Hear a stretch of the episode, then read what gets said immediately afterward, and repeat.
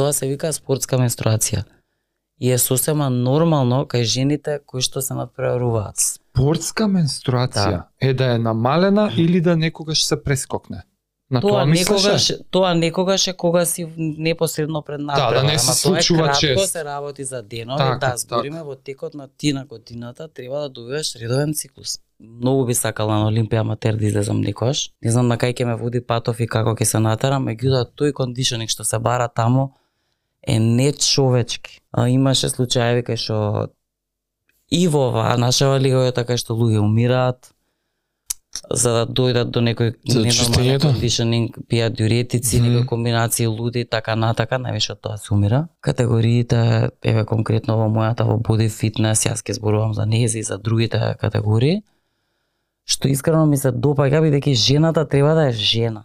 Значи, колку и да е тоа тестостеронски спорт и да се креваат тегови се, жената сепак треба да е жена и Да се задржи да се некако. задржи дури и во бодибилдинг, да, затоа што малку е е, too much, не знам.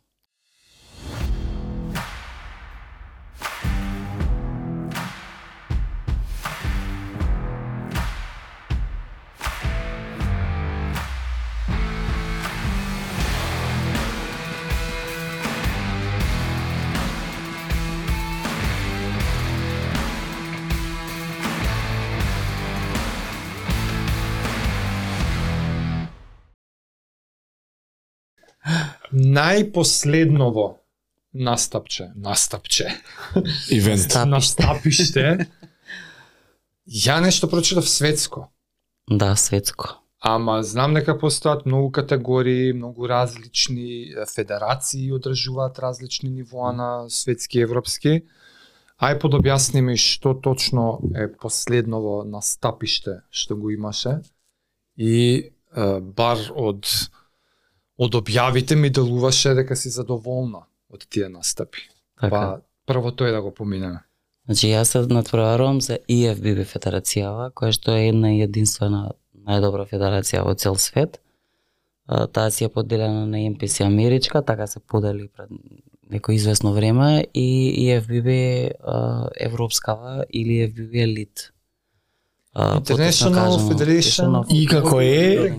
И како е или и како и? Како ај. International, International Bodybuilding. За тоа знам става најпозната. Порано беше тоа, нели, сите што се такмичеа овие најпознати светски боди. Од Арнолд навака. Да, само што ти имаше една кавга меѓу нив а, каде што се се подели федерацијата, точно сега не не не не знам. Джо Уайдер со некој Да, се подели. Со Рафаел Сантоја е председателот на европската. Мгм. А, он си се повлечен или во Европа, то порано немаше настани во Европа воопшто никакви, значи за да се надпреваруваш треба во Америка да одиш. Па нели Арнолд пребегува. Да, така беше, да, апсолутно. Е сега веќе федерацијава сериозно се ангажираше, мислам, многу е моќна федерацијата и направи сериозни настапи, настапи европски многу добри. Едно од нив е IFBB, светското првенство World Championship, кој што се одржува секоја година во Санта Сузана, Шпанија. Истото место се Истото место со неколку пати исклучок направија, лани го направија во Кореја, мислам, Аха. што е интересна варијанта. Сега нареднава нешто најавуваат Јапан, што исто е интересна варијанта, ама не е интересна од практични причини. Од логистички аспект. Они сакаат да се шират публика, ама Е, тоа е реално да така 12 сата лет. размислува, да, меѓутоа тоа само азиските земји би го поддржале како такво и како понормална дестинација, а цела Европа, другиве земји е многу тешко. На диета да се патува толку е нешто Оу, ненормално. Ти на што, на што си размислува атлета? Значи, реално, окей, ова е светско, светско по секој можен да, стандард. по секој можен стандард, да. А идете како репрезентација таму? Да, како Е, тоа ми репрезентација. беше интересно. да, Ја често го замислував преиндивидуалистички не, спортот на бодибилдинг. Колку и да е има веќе- индивидуално не е толку а, само нели толку себичен спорт да кажам, сепак да функционираме како репрезентација, ние имаме AFB Македонија. И сега вие си одите како Да. национална федерација, Федерација, таму, да, да. кол, колку члена екипа? Е, тоа зависи како од се колку решава? луѓе ќе се пријават таа година. Оваа година ние бевме малку, бевме 6 или 7 на првачи, мислам. Стандарди за да влезеш некој? Вкупно или Вкупно, твоја категорија? Не, вкупно. Добре. Вкупно во различни категории. Бевме две жени и другите беа машки. Океј. Лани а, бевме само две, меѓутоа јас не бев на а, светското првенство, јас бев на светскиот куп. Океј.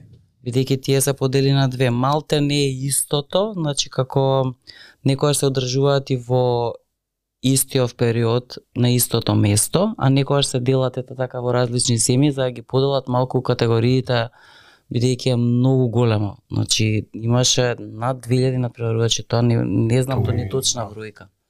Браво. Категории, Да, категории, на дисциплини. пријавувањето бидејќи има регистрација ден пред да почне целиот настан. И како стигаат атлетите, дали некој стигнал ден предходно, зависи како имало летови, тоа е не знаете Хаос. каков хаос. Значи се чекаат и нередици вака и ни колони како во војна да си леп да чекаш. И резултатите од тој настап какви беа, какви беа не знам, впечатоците. Резултатот, како резултат, јас бев седмо место, влегов во први 10, што е реално, кога ќе размислиш вака подлабоко, е голем успех. Тоа е последната постава. Да, Така тоа, кога искачаат на крај. да, да. Тоа, значи, тоа е стварно многу голем На успех. светско толку- ниво. На светско ниво. Финале. Да, на, на толку големо, значи, надпреварување. Меѓутоа, моите очекувања беа поголеми. Стварно. Да, и очекувањата на мојот тренер и воедно председателот на нашата федерација бодибилдинг, бидејќи оваа година се соочивме, јас знам дека постојат вакви работи цело време, некогаш судењето е многу субјективно и не се пратат некои стандарди и протоколи кои што треба да се пратат на на вакви настани. Излегува од контрола. Можеш пример да даш не? Да. Uh, исто и на Арнолд Класик бевме предходно, се случи истото, меѓутоа за Арнолд Класик пак ќе кажам дека е куп и дека таму може да се постават стандарди, да речеме да бараат малку по хај левел на кондишнинг и тоа е сосема во ред. Меѓутоа не е во ред да ги менуваат тие стандарди секоја година или секоја сезона. Јас сум се спремила за боди фитнес категорија. Мојата категорија има одредена рамка како треба јас да изгледам. Треба да биде да имаш V-shape. а, Нормално. да, значи тоа е како да кажам големи рамена, тесен струк, изразен грб. А, треба да си а, на на буди на бодибилдинг јазикот одран, а на Шредат. Шредат, да Одран, треба да си истенчен. сепариран, да, треба да има сепарација, меѓутоа не толку голема сепарација како во бодибилдинг или поточно таа категорија се вика сега women's физик.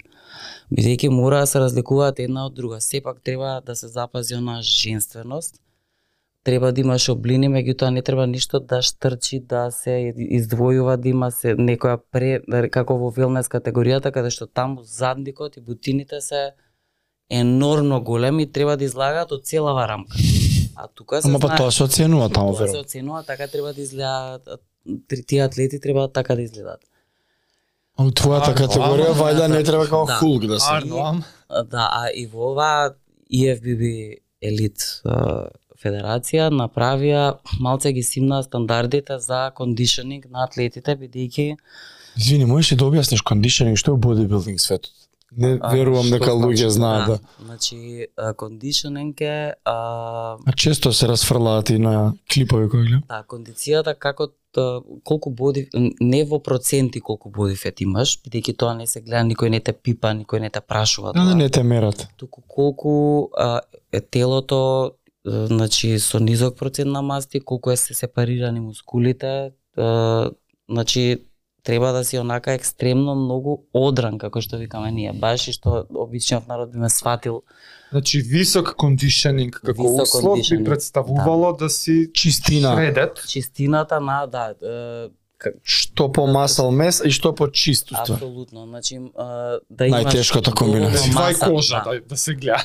доволно маса колку што бара категоријата, да си исчестен доволно толку колку што треба, а, да немаш да не си заматен, нели кога ќе видиме некои надпреварувачи што нема толку зрели мускули што се помлади, им се позаматени малце. Аха. Целата сепарација е поматна, не е толку чиста. Така, така. Тоа во превод Што би рекле на лаички анатомија да учиш на не. Да, формата треба да е стако. Мускулни влак. превод, да, мускулни влак. И обично у тоа категорија тоа не е премногу фокусиран акцент да се Ага. бара, па сега го смениле или како не те разбрав? Па не треба да е кондишенингот, а, не треба толку оштри да сме, како Океј.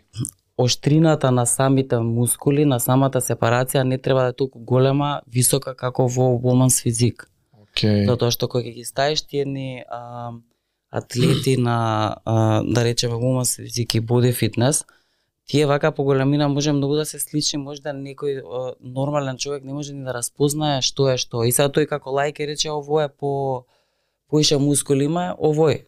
И така судиите искача како а, аматерско целото гласање, не знам како да објаснам.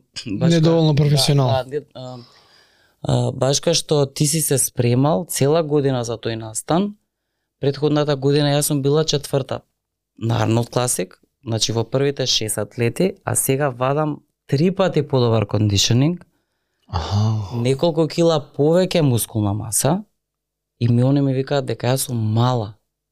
Јас јас бев мало бебе, јас кога излегов кога ги видов другите жени, не беа жени. Тие беа мажи.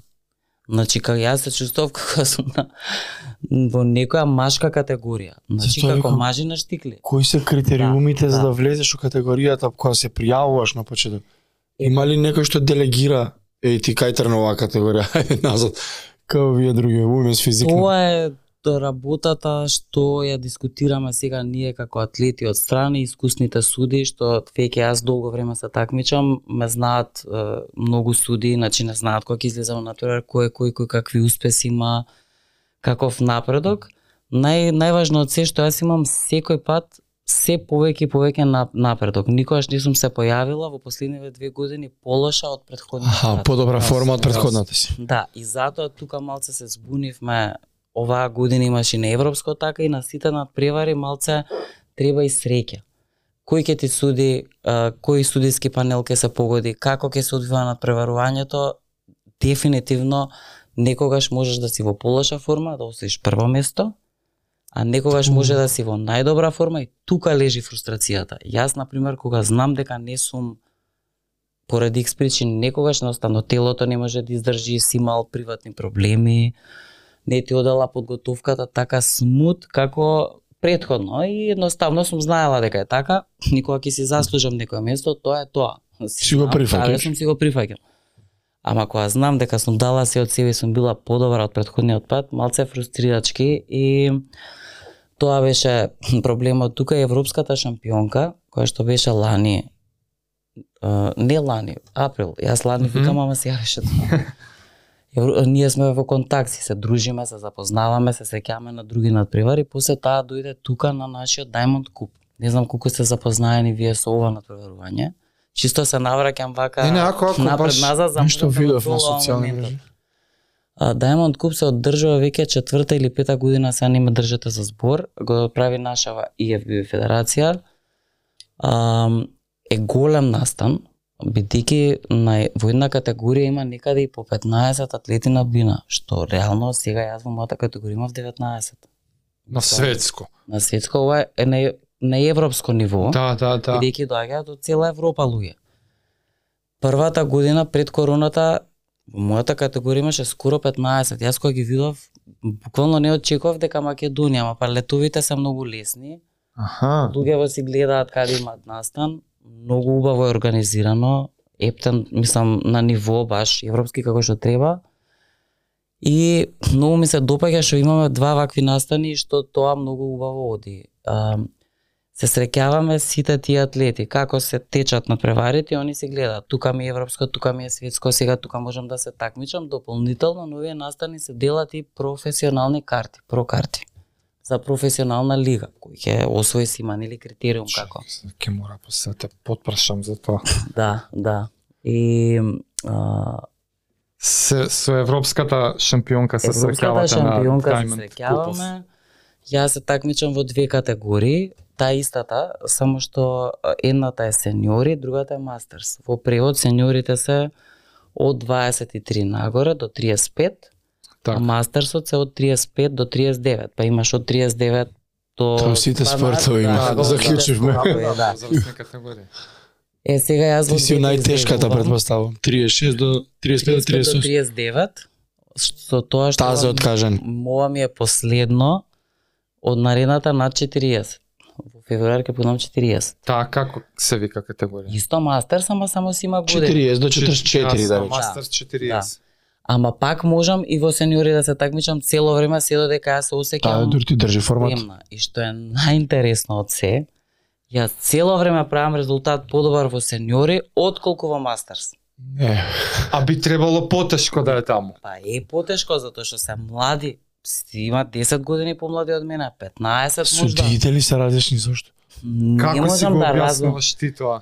Не можам да разберам. Стварно, јас единствено го објаснувам вака, дека мастерсите, јас борев со нашата надпреварувачка Марија Божиновска, не знам дали ја знаете, она освои Арнолд Класик. Не знам која година. Аха. Сериозна атлета, она е професионалка, про, сега не се такмичи, живее во Шпанија. И она баш тогаш ми викаше, леле, кога ќе излезам на мастерс, јас како мало дете се чувствувам. Тие се искусни такмичарки, кои што се зрели, вежбаат многу долго време, имаат многу зрела мускулна маса и се мислам дека многу поквалитетни веќе изградени спортисти и се повеќе. На Арнолд Класик имаше 36. Тоа Ту. беше лудило и Бобан Ѓуровски председателот наш вика од каде излегоа теткиве вика што полудеа толку Тетки. вика јас очекував дека помлади ќе има ова не и после не може да не стават сите на една бина и на Ајде. разделија во две групи мислам дека висински Да, висински во две висини не ставија, високи и ниски. Така некако ни направија, пошто тоа беше импровизација мораше одма и вечерта се реши така или дента се реши така и не поделија во две групи. Про карти. Како, сега дека го кажа готово, ми остана у глава. Прво, што значи, кој, кој е тој услов што треба да го задоволиш, за да можеш да си побараш про карта. И што значи тоа веќе понатака од како ја имаш таа про карта? Тоа е сериозен а, сериозна обврска и сериозна титула со која што треба да се носиш понатака. Јас имам прокарта оваа година освоив на Diamond Cup Скопје. Во двете категории бев апсолутна победничка. Тоа значи во превод. Кој ќе бидеш апсолутен победник во едната категорија, што значи имаш кај нас беа мастерс и сениори. Јас бев и во едната и во другата прво место и после кога се состанавме сите, јас бев како апсолутен победник. А ако си те надпреваруваш на поголемо надпреварување, а, конкретно во сениорите на светско, па ќе се вратам назад, имаше шест категории. Значи тоа е до метро сега не По да висина се? Висина. Не се по тежина? Не. А, До метро не знам а, 50 и не знам колку. После над метро 50 и колку. После има над 163 до 163 над 163 и јас сум таму над 168. Логично, да, уствари. Да. По висина, И да. одредени квоти во тие И се категории, сите првите. први од сите категории после загуваат за апсолутно. Тие се спо- споредуваат за апсолутен победник на надпреварот во категорија Буди фитнес. Добро. Така, Као pound for pound number one. тој што ќе освои апсолутна награда, тој може тој зима прокарта. И после што значи тоа дека има прокарта? Про, во, про, одиш во професионална лига и немаш право веќе да се такмичиш во аматерска лига. Значи, Постои и други лиги сега. Да. Значи, а, ти не мора да ја прифатиш, таа прокарта ти важи година дена. Мене картата ми е до ноември 2024. И треба јас да- дали ќе активирам, Се ти можеш да одиш на овие што освајаат најболи на свет, ми- мистер Олимпија? можам уште 40 прокарти ако одам на надпревари да земам. Така?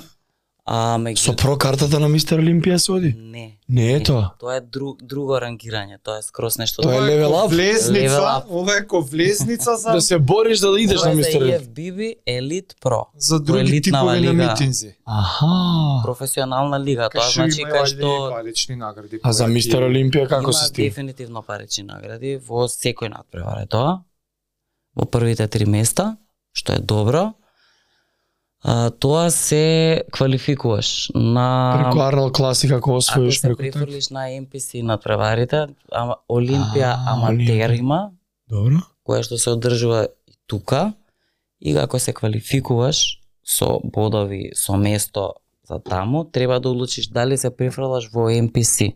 Тоа е другата федерација уствари. Да, таа што се по, овие се подели, сега тоа е. NPC. NPC кога ќе се одлучиш нема враќање во Да те примаат назад. не те примат. Тоа е овие Фил Хит и компанија што се Тоа е. Се тоа е квалификуваш за Олимпија и одиш по тој пат. тоа не е као врвот на планината. Тоа е врвот на планината, меѓутоа јас имам мислење едно за тоа, многу почитувам и би, многу би сакала на Олимпија аматер да излезам некош.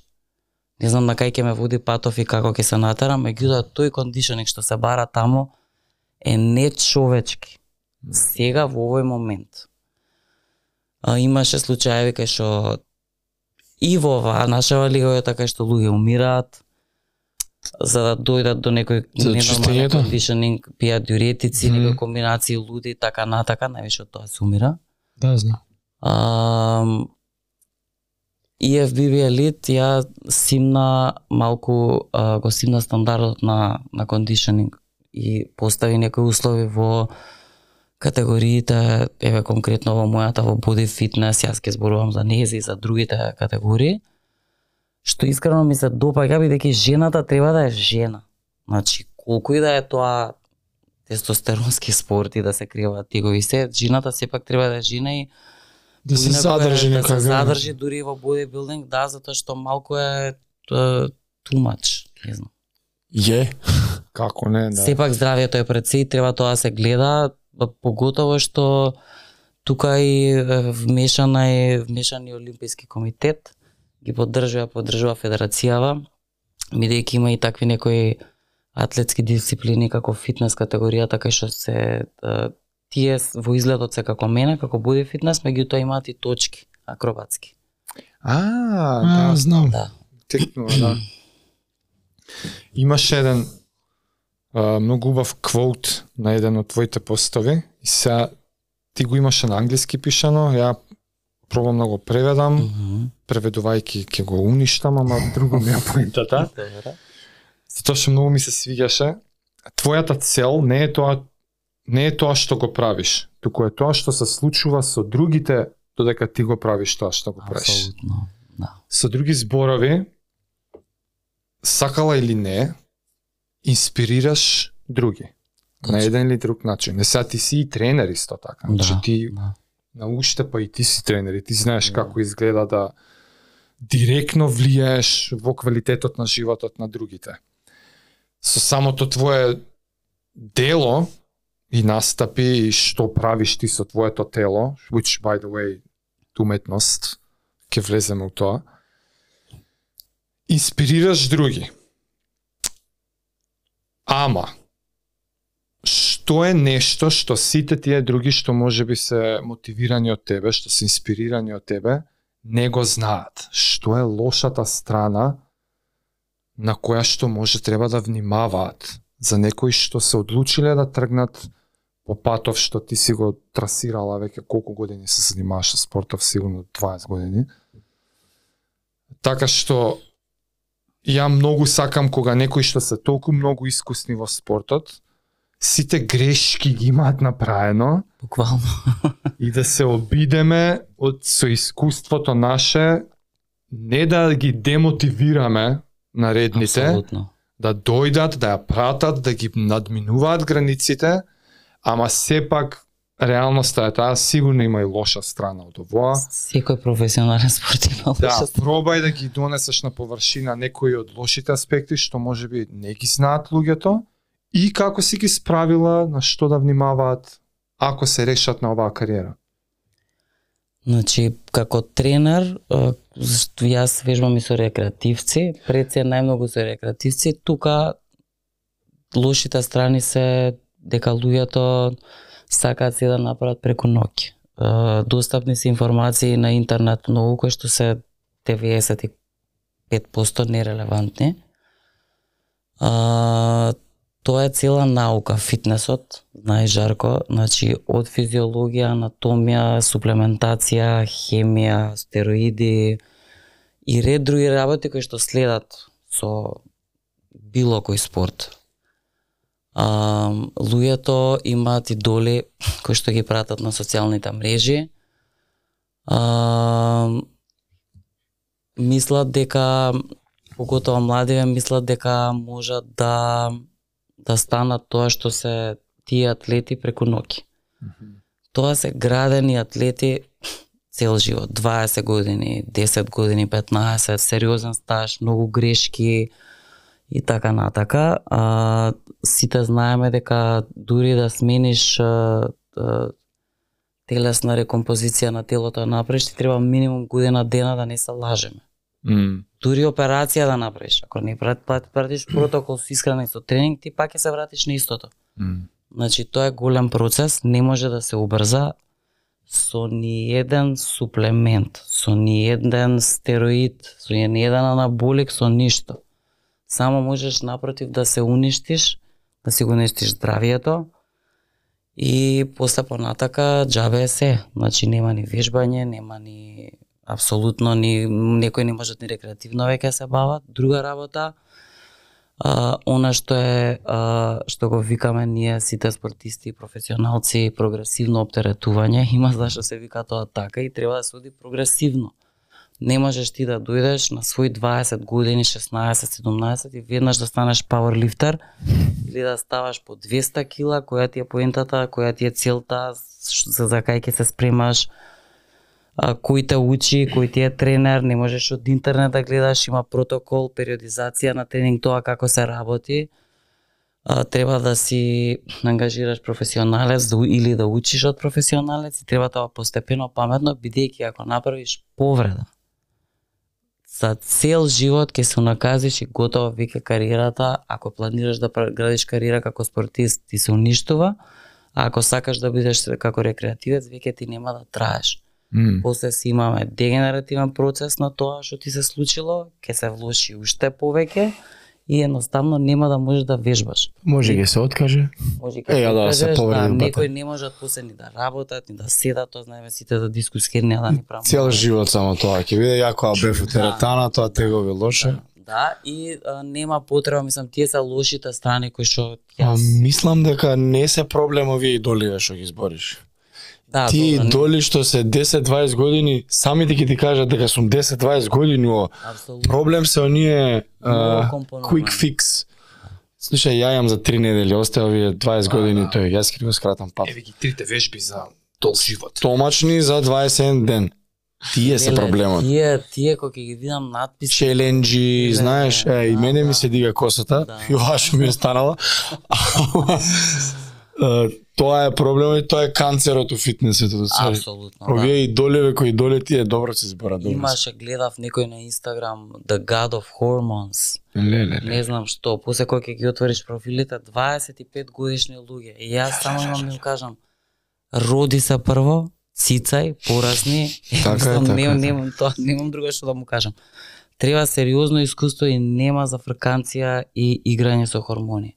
Апсолутно во никој тоа случај башка. тоа е значи поготово што на млади, на мислам стварно нема потреба 20 годинишни а, машки а, а, атлети или рекреативци кои што се бават со спорт имаат едно кило тестостерон. Едно кило и пол. И Мислам, наредното лето да не направи стомаш и понаредното ќе направи. Не е едножно Нема потреба од тоа, апсолутно не знам Секоја година има лето. Нека не се секира. Апсолутно. Ај мажи. И ај не е само тестостерон, ама мене секогаш многу ме интересирало, а многу тешко можам да најдам материјал за учење за женската физиологија, посебно хормонално Тоа е многу гледано. голем проблем исто така. И- Таа е тема што треба да се разговара. Е, и пробувам сега да ја отворам. ти си искусна многу, посебно на најврвното ниво на, на перформанс во овој спорт. Сигурно имаш страшна контрола врз собствените се, се познаваш себе си, сигурно многу добро кои хормони, како, што, посебно што си жена, посебно што треба да играш. Најверојатно се многу покомплицирани хормонски процеси. И сега знам дека ова цела наука, ама еве, ја да признам, мислам дека сум многу лаик тука, од што немам од кај да научам, и сега ќе ти искористам тебе да пробаш да ми доловиш во твојот спорт на тоа ниво, ај рекреативци више на страна. Да, на, На тие екстремни Така. нивоа веќе, тој тоа бркање на оној пикот што се случува можеби само два дена у годината, кои се тие екстреми пробај да ми ги доловиш од, од хормонски аспекти, како успеваш баланс може и нема поента у ова прашање тука. да. Баланс и нема, ама пак си здрава, пак не си, знаеш, па- делуваш многу здраво. Како ти го како како ја играш таа таа игра? Тоа е прво пред се искуство, а, познавање исто на тренерот кој што работи со тебе е многу важно. Нашата взаемна комуникација за некои нешта кои што мене лично ми се случуваат, ја што ги се чувствувам или тој приметува дека мене ми се случуваат. Има пример некако да ми доловиш? Има, има да има Хормонски, низ, што ти се случува? низа примери. А, сам, самиот спорт е многу екстремен. Значи, ние Да. да. доведуваме мастите на многу ниско ниво. Поготово што женските хормони, естрогенот функционира со масти. Значи, нашиот процент на масти е повисок природно. Да, неопходен е за да има регулација на хормоните. А, јас а, во ниеден момент во сум имала некои моменти на почетокот кога не сум имала, поз- имала познавање во сето тоа, може би погрешна комуникација со тренерот или тренерот не бил спремен да ме води мене како жена, не, не, ги, не ги познава женските хормони и тој систем бидејќи работел претходно со машки, што нема врска, не, не е тоа некаква што, кривица што јас се случувало? Ам, па од ис- се случувало да циклусот кој што го добиваме ние месечен не смееш да го пореметиш. Секој спортист, пливачките, пауерлифтерки, без разлика на се, бидејќи телото кога работиш ти нешто се фокусира само на тоа.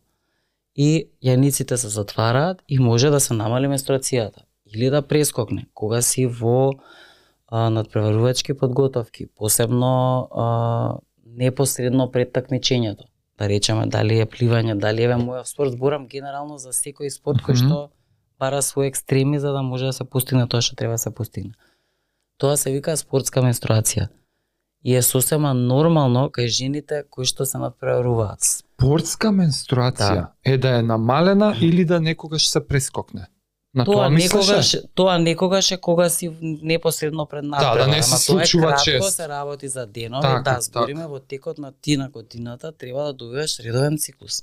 Сам тоа е многу важно. Јасно. Не е здраво, не е нормално ти да го немаш циклус од 7, 8, 10 месеци како што се случува со некој надпреварувачки, а поготово некои што користат многу сериозни а, Или ставаат и блокатори за да не добијат месец. да. И, има и тоа, така? Има, има некои екстреми што не ги разбирам, да. Зошто би сакале да не добиваат?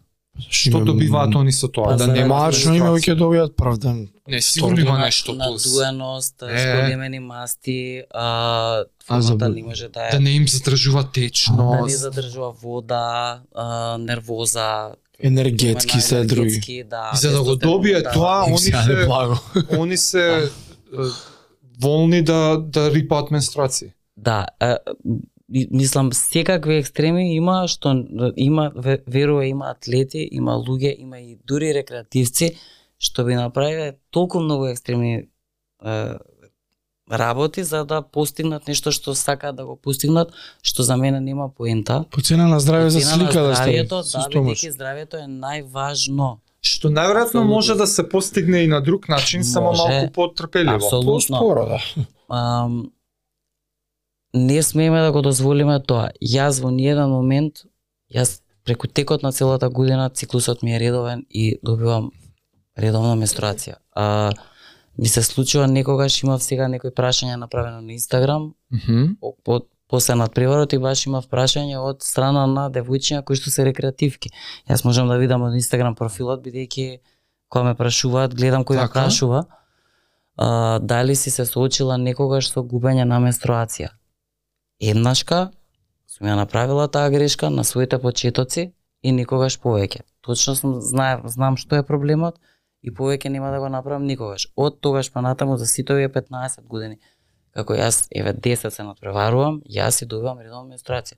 Ретко знае така да ми прескокне, да ми се поднамали малце пред надпревар, бидејќи тоа е природен процес. Телото се фокусира само на тоа што го правиш.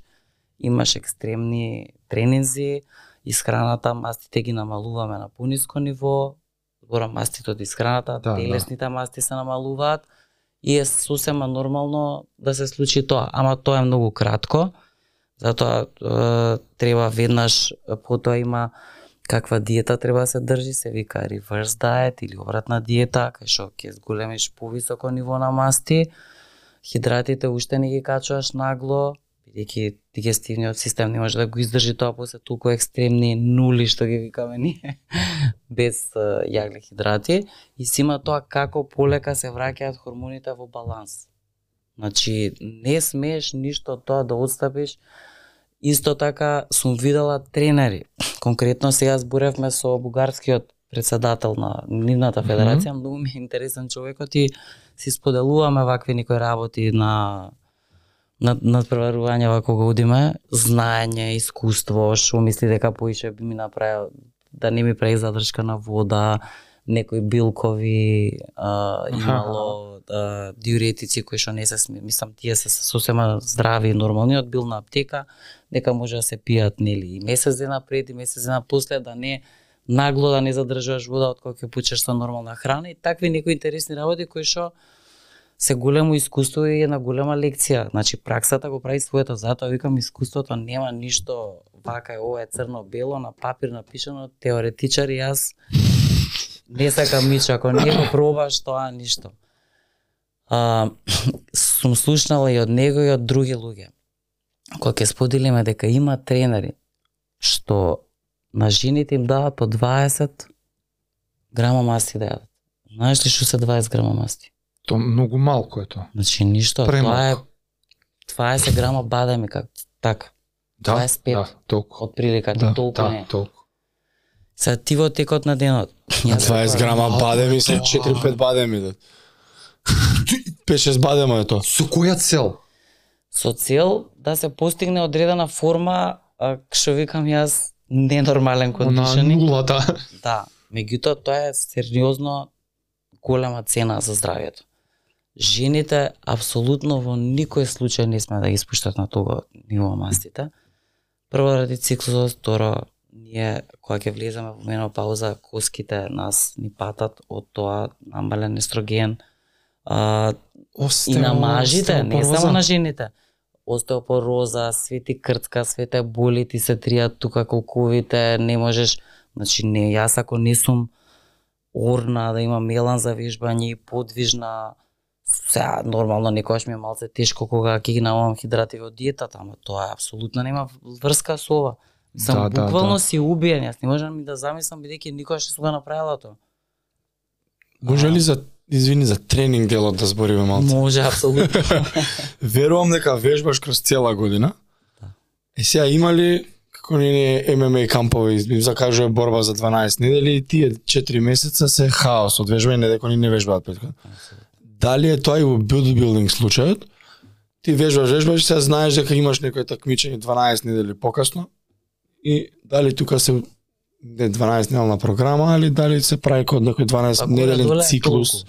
Да, помеѓу 12 и 15 недели толку трае едно спремање Од дојде пик, па дилот па фаза толку е 3 месеца.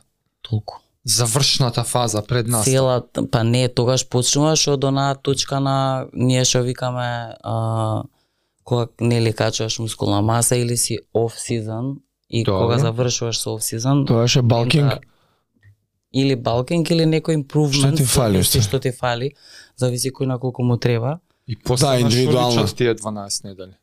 Да, еве day one од preparation Да. за ова задње, како Значи, изгледа? Почнуваме над преварувањето, пример, да речеме... Го знаеш каде, да. а, Нашето, сега да се темпираме, нашето е државното за квалификации за европско е на тој тој датум, после следи балканско па европско.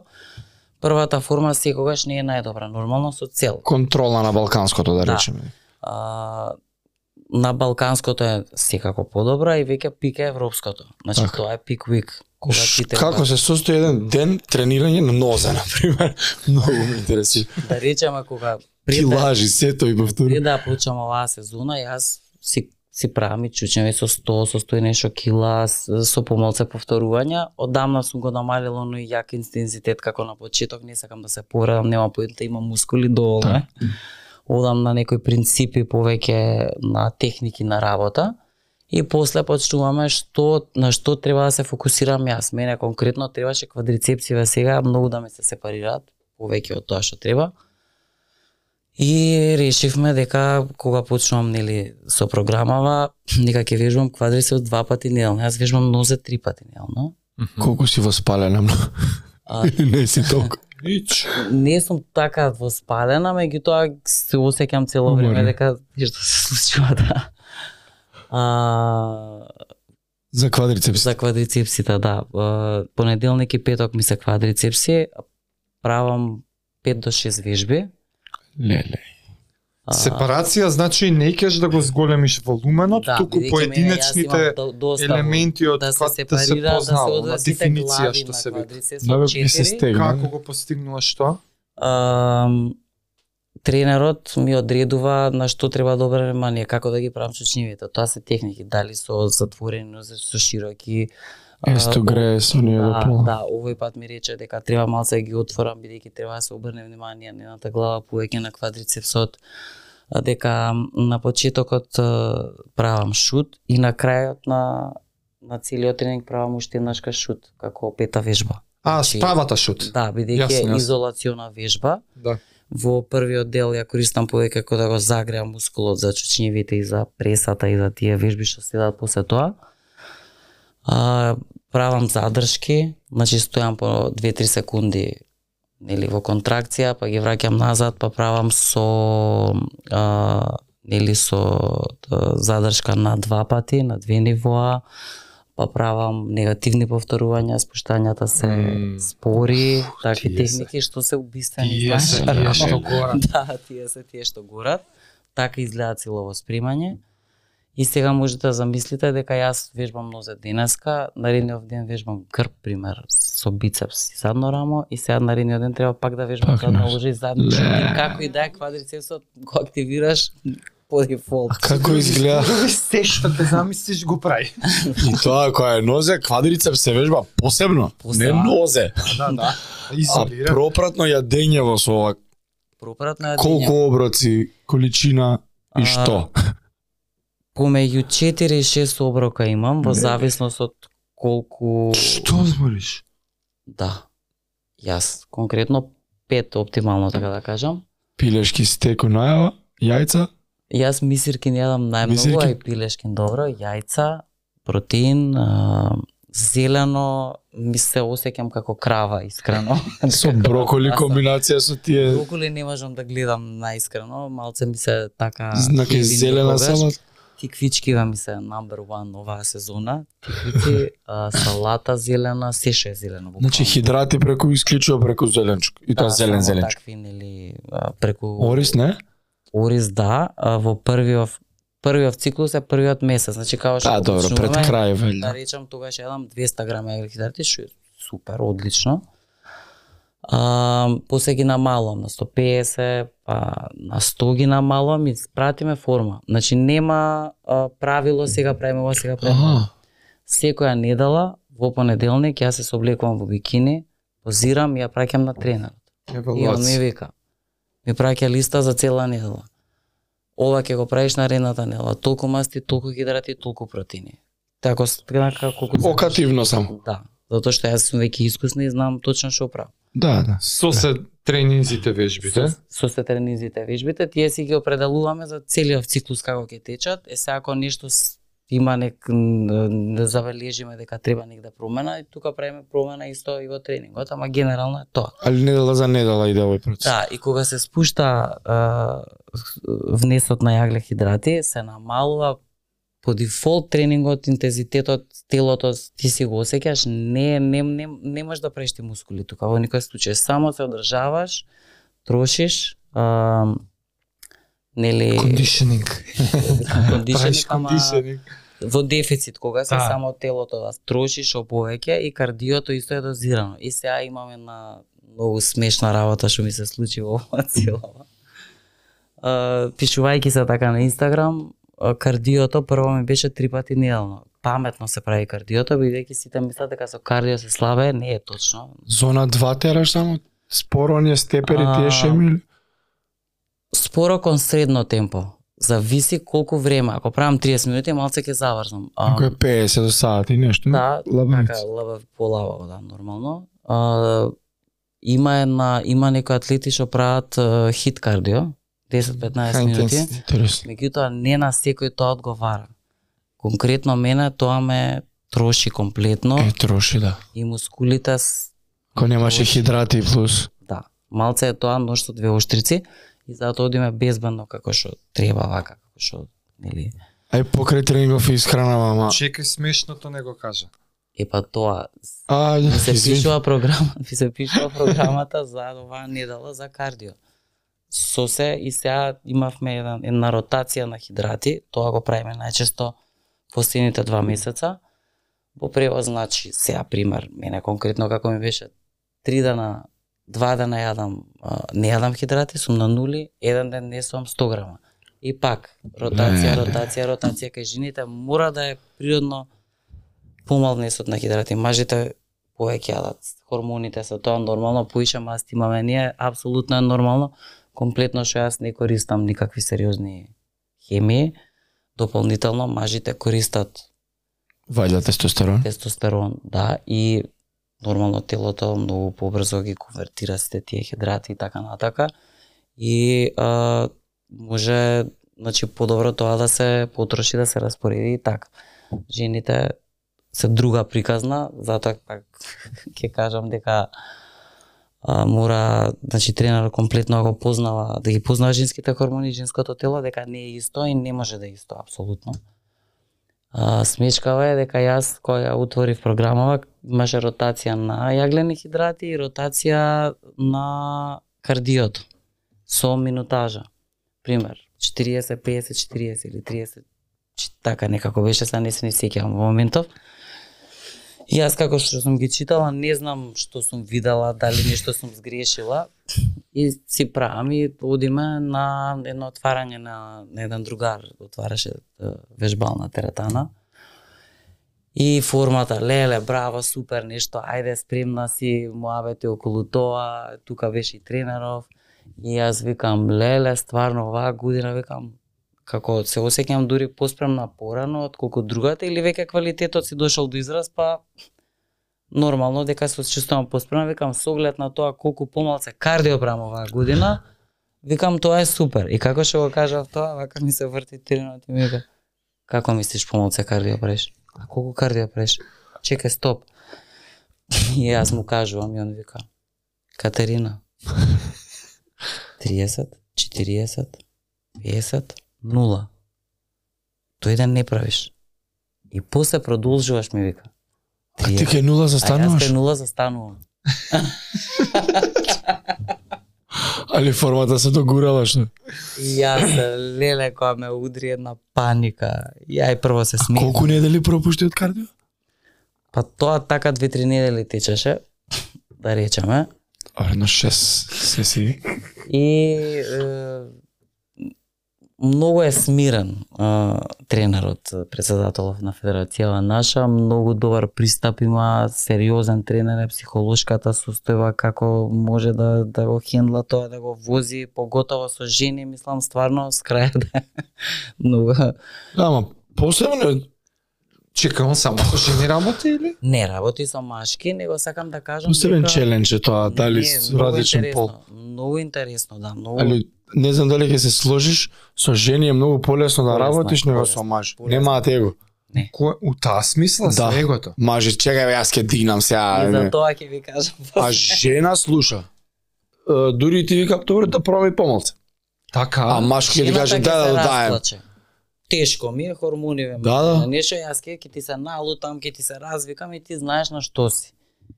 Значи, е, ова не го кажувам јас, туку ова го кажувам Машко. Од таа страна е конкретно тренер, вика, мене ми е со жени полесно бидејќи вие ќе јас кога ќе те видам, он вака само не гледа. Ќе дојде ми вака. Чекај да видам, добра си? Добра си. Нешто не си ми добро.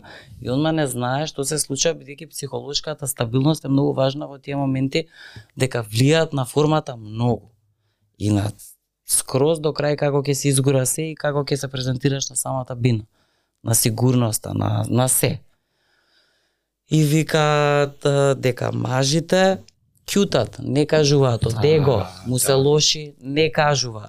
Он е Ако муж, треба да трпи. нешто, другиот му е крив, да, а, да, ова ми направи, тоа ми направи, вака ми направи, така ми направи.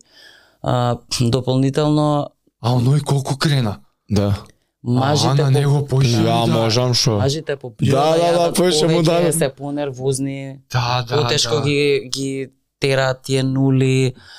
А, другиот надпреварувачи машки бе буквално ги водев вака прошлата година за да рака. Ајде влези тука десно лево и се смеевме, значи скроз изгубени, скроз комплетно, значи. Ми викаш еден од надпреварувачите сега. Чека да те прашам нешто. Што ти е на тебе? Ја викам зашто? Бе, од кај ти оваа енергија? Не седна бе човек, јас сум како мртов, не можам да одам, не можам да те гледам, се умарам што те гледам. Ние сме друг фазон, не знам. Леле, јако е. Полесно го Јасно, го да. Мислам дека раѓаме, дека тоа е скроз апсолутно поврзано пак со хормоните и со Сигурно, да. Ама и сте по... Па машко кога ќе се што прави? Е, умира го тоа кај. Е, па ета, таа е 37 причата. 105, така е бе, така е. Максимално се погрешно Максимално се согласувам. Покрај исхранава и вежбањево. Кој не прати бодибилдинг, не знам, а многу битен дел е позирањето. О, нај. Да не речам нај, затоа што ти ако немаш добро позирање, нема како нели тренингот да го покажеш пред судиите. Како и каде тоа се тренира у Македонија, кај нас су, сум гледал илјада документарци за Фил Хит, за, за Кај Грин, за компанија за овие, они Кај Грин, мислам, у балетско студио одеш. Кај Грин и- Фил Хит во балетско студио, Арнолд, Арнолд исто имаше така, да. некое не беше балетско, ама танцово студио. Да, да, да. Кај се прави тоа кај нас? Примаат ли? Кај Раз, нас, имаат ли разбирање? Не знам.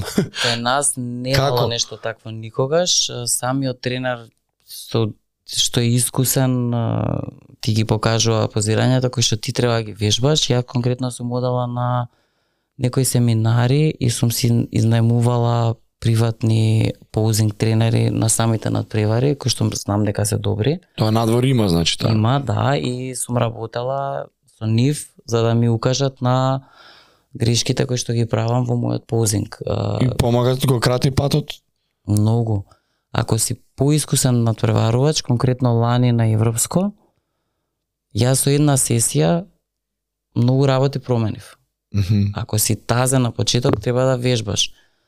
А, многу важен дел е, може многу да те зезне неколку места подоле, може да те зезне да не влезеш ни у финале и така натака. Не само делот дека ти го покажуваш тоа што си го работел, туку дека ги криеш и своите мани, сите ги имаме. А, тие фори. Да, да. некој на некој позата му лежи на еден начин, некоја цака малце да речеме во во во нашата предна поза а, рацете се нели се отвараат на страна, латисимусот се отвара, треба струкот да е стегнат и фо, финтата во позата е да издишиш. Кога ќе издишеш, трукот уште повеќе се стечува, грбот излегува до израз и тука флексорите на квадрицепсот мора да се познава, значи за, да, да се Да, за то, да, и кога ќе да. издишеш, можеш да да за да, тоа да, е контрола на сите мускули одеднашка. Тоа е страшно тешко на бина и има а, точно протокол како едно по друго се права за тебе ти дое како падало так так, так, так да се чекор 1, чекор 2. Чекор 2 има задникот треба да се вовлече благо назад за да флексурите останат во таа положба, а при тоа да не ги да не изгубиш контракцијата во долниот дел на квадрицепсот. Оф, море. И А при тоа дехидриран, Тоа дехидриран, треба Да не кажеме колку. Нашминкам, тоа изгледа лудило све и поготово што оваа година на светско беше лудило. од конкуренција? Или од топло? Од топла од конкуренција и сега рачунете колку изгледа 20 души на пина. Тоа се редици вака. е, Сите world class. Два му реда, два му реда, ти сега имаш елиминациона рунда, кај што сите се вртиме у тие quarter turns се викаат. Четврт круг на десно, четврт сите пози. Тоа трае. 15 минути трае сигурно. Значи на не знам Лани Арнолд 20 15 минути стоите 20. така, постојана контракција. Да. И цело време секој тренер ако ги слушаш од страна, јас видео имам на Инстаграм, нозете, нозете, не ги пуштај. Јас едно време така кога го слушам Боби кога не суди, ми сиде само речам ни нозе ни ништо си одам од бинава. А, Стегај, стегај. Грчеви се случуваат. тоа не треба да се случува, грчевите има некогаш кога фаќа помалце, меѓутоа тоа мора да се контролира со предходно как колку си пиел вода, како си пиел, тоа исто е многу важно. Ти кон, го контролираш грчот. А, Ти си на граница пред грч и Манипулација на. Спалуваат во моментот мускулите од стегање, во кон... тоа е изометриска вежба е Па тоа, тоа. да. Изометрија цело време. И тоа е колку и да немаш вода во себе, почуваш да се потиш. Пуштени коси имаме долги, некојаш уметоци тоа за биде елегантно и така натака. Тука Па мачкаат со ние така? Па на мачка Пудра или сме што е, да. со не со таа бојата, па што е. имаме show shine, па имаме она ма, а, чили, како се вика, hot stuff, па тоа гори дополнително за да ти имаш васкулација по горе. Аха, леле, леле. Тоа рефлектори, насмеан цело време мора тоа затоа што тука се разликуваат и во елиминационите рунди колку харизма ќе покажеш и колку ќе си самоуверен. тоа да мислам. Многу, затоа што може кod тебе да има исти уште пет. Да, кај ќе се разликуваш. Пресудно е ти да си различен од нив. Како ќе доловиш ти некој шарм така? Така, позирањето, Сака одењето, да си уживаш во моментот. Имаш Со, и кетвок. со лицето да уживаш тука освен сега. стегањето и кетвок. О, Затоа сам Ти кога ќе излезеш има кетвок, нога пред нога, ги гледаш судиите, рацете како ги движиш, тие се балетските моменти кои што на мажите треба да те обрнат внимание, прстите како ги ставаш, колку си самоуверен, тие транзиции во поза, Се флуидни. вртиш, а бараш ај контакт, бараш цело време некоја ти си цело во постојан нај контакт со, Со судиите, судија. со сите суди. Ги гледаш од почеток до крај кога одиме во ред, пример, јас сум свртена вамо, одам во ред, една позади друга, јас цело време сум со главата и се смеам на судиите. Да, не гледаш напред. не. бараш, ловиш и така некоја енергија. Кокетираш како- буквално. Буквално кокетираш Така, со судиите. па, секоја ситница. Стварно, значи Да. го има тој го има, момент. го има, го има, да. Да како демек хемија сега со некој да кликнеш тука да го Апсолутно. да го уловиш. тука е моментот. И кога ќе заврши елиминационата рунда, те викаат за полуфинале. Тоа се првите 10 надпреварувачки. Тука пак имаш споредување од тие 10. Исто толку траат долго колку што траеле предходно. Кога ќе заврши тоа, има финале, првите 6, топ 6 се вика тоа, излагаат секој во слободен поузинг. Си, тоа е малце послободно во однос на поузите кои што се задолжителни, ти си правиш некој слободен Таа поузинг. со- кореографијата како- тука да, малку. Да, тука треба исто добро представување, бидејќи тука својата индивидуалност ја представуваш. И кога ќе заврши тоа, уште еднаш се споредуваат шесте надпреварувачки и после е прогласување. Сега на светско и на Арнолд, бидејќи имаше ненормално многу такмичари, значи страшна бројка, се наби целиот редослед. И они за да го скратат, за да не се суди, имаше вечери до два кога судеа судиите, вечерта. До сапајле два. Да. За да се скрати целиот процес, они многу голема грешка направија. Не качуваат на бина сите 20, елимина, елиминација прават во моментот и додека траат, додека си целиот овој процес е на бината тука без да се симнеш. Јас, ние се тресевме кога излеговме таму. Им оди брзо, нема концентрација, ни вака им поминуваат, кој попро да видат, немаше Не. кога да се суди. И тука настануваат тие некои грешки.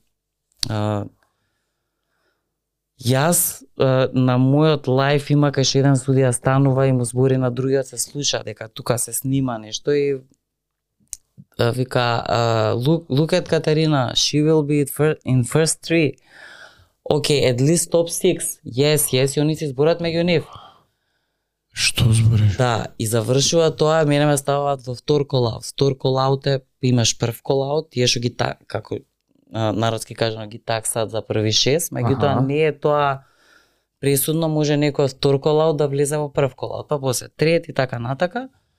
Јас легов во втор. Ако си се нели допозирав како што треба се до крај, дојде позади требаше малку време, дојда да не викнат, прво ме викна како да ќе влезнам во финал, oh, I'm so sorry not you, не, да ме, не тој број, ја викна таа што беше до мене пред мене. Зашто што се десило? Таа исто од вторија извлечка? Од Од втор, колаут? од втор? Исто, да. Искрено, според моето око, јас еве пак да не ќам да бидам а, субјективна. Ова беше а, мислење на суди. Мгм. Ова не, не е мое мислење, а како мое мислење беше многу дебела, со најпросто кажано, а, Замрсен, замастен. м- мрсна беше. Да, немаше никоја генетика, нешто вау и мислам дека требаше јас да бидам во првите шест.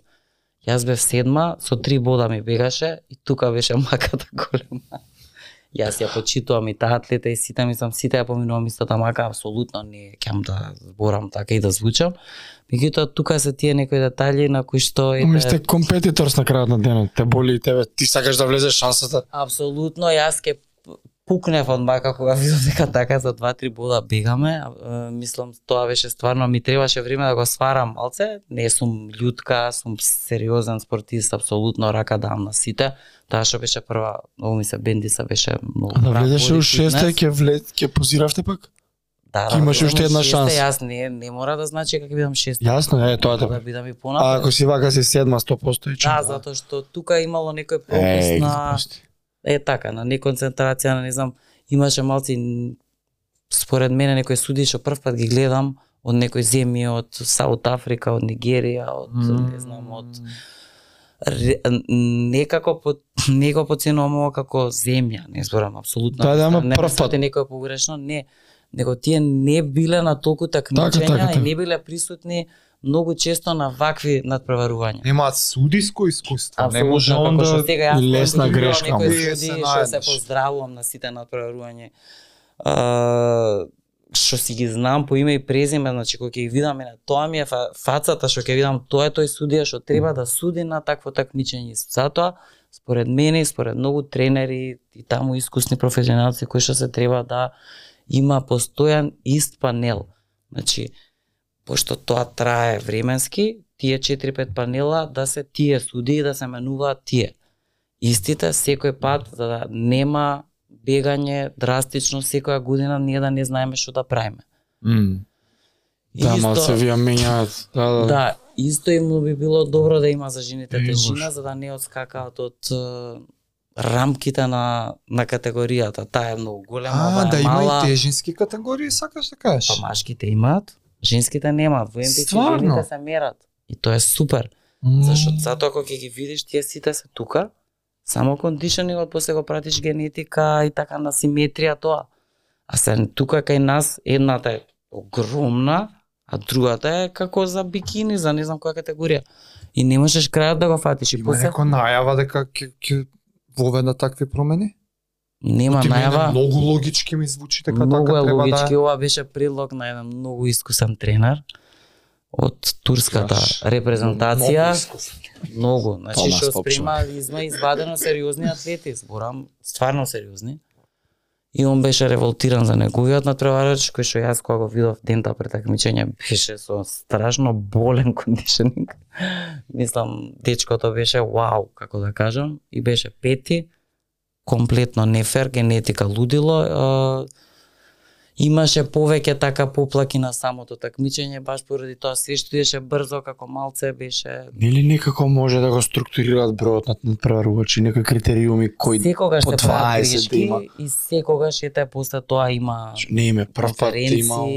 за- заседанија кај што сите од Да се знае, 20 такмичари, таа категорија 15, ова условите се тие, ако не не можеш да ги условиш, не можеш да ги условиш на бројка, ама можеш да ги условиш еве со некои вакви работи. А па да не се па 38. Е па може да имаш еден ден плюс. И тоа е точно, да. Да, и после убрзање се греши, те оштетуваат тебе и тој дечко. Се да. греши и самите суди се уморни. Јас не викам тоа е страшно тешко. Ако ќе изедат 20 девојки, А око треба да суди. Кој да гледам попрво, од што има многу добри. Рачуне дека тие се сите шампионки и шампиони на својата земја. М. Ај Македонија е помала земја да речеме. Пак, Пак, ама па ти рачуне од Турција.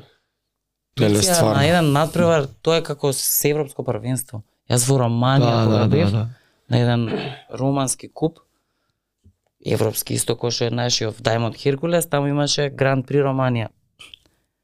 И дента пред Гранд Прито имаше државно првенство на Романија и беше повикан нашиот председател да суди како судија, поканат.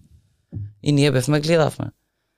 Знаете ли колку натпреварувачи имаше во една категорија? Па по 15, по 20. Лесно Па, петорица може да одат. Значи тоа европско првенство. Сами си го Кај прават. нас јас никој скоро најчесто излагам сама. Зборам за нашето државно бидејќи во боди фитнес скоро никој не се надпреварува. Ете Да. лани искочивте на девојка. Слушнав дека оваа година може би уште една ќе се спрема, што е малце по тешка категорија, бидејќи се бара кондишнинг, мускули и така натаму. Бикините се поактуелни бидејќи таа е а, категорија кај што не може Помалку жртва бара. Па да, реално да, полесна категорија затоа што не кем да подценувам, се си има своја тежина, апсолутно. Не не станува збор за тоа и тоа тоа па струкот треба да мал, не јадат многу, тоа се секо барбеки тенки, манекенска категорија. И Аха. тоа е на свој начин тешко да се одржи исто така. Меѓутоа, во однос на тренинг и на исхрана е далеко од тоа што јас го правам и погоре тие бодибилдинг женски, па не сакам да се сам тоа што е. Друга Ова е тоа а, разочарувањето што некаде на почеток на ноември имаше така прилично емотивна објава имаше пишано. Да, Ова е поврзано со тоа Ова или ова е поврзано со тоа. Се не знам дали беше за Арнолд или за светско, за двете може би беше истата приказна. Ајде за Арнолд пак ќе кажам дека не не ми е толку а, голем шок бидејќи тоа е куп и таму ете знаат и да се менуваат некои такви критериуми, меѓутоа треба да кажат. Тука бараме поекстремен кондишнинг, на за на светско и на европско се знае поготоа што се прават и допинг контроли и така натака и не можеш ти да изгледаш да си горила на сериозен допинг, а од друга страна ми викаш а, ќе ти правам допинг контрола и категорија вака треба да изгледа така да изгледа, значи си има тоа како како што рековме суд, судиската одлука беше таа, нема да плачеме, прифаќаме се.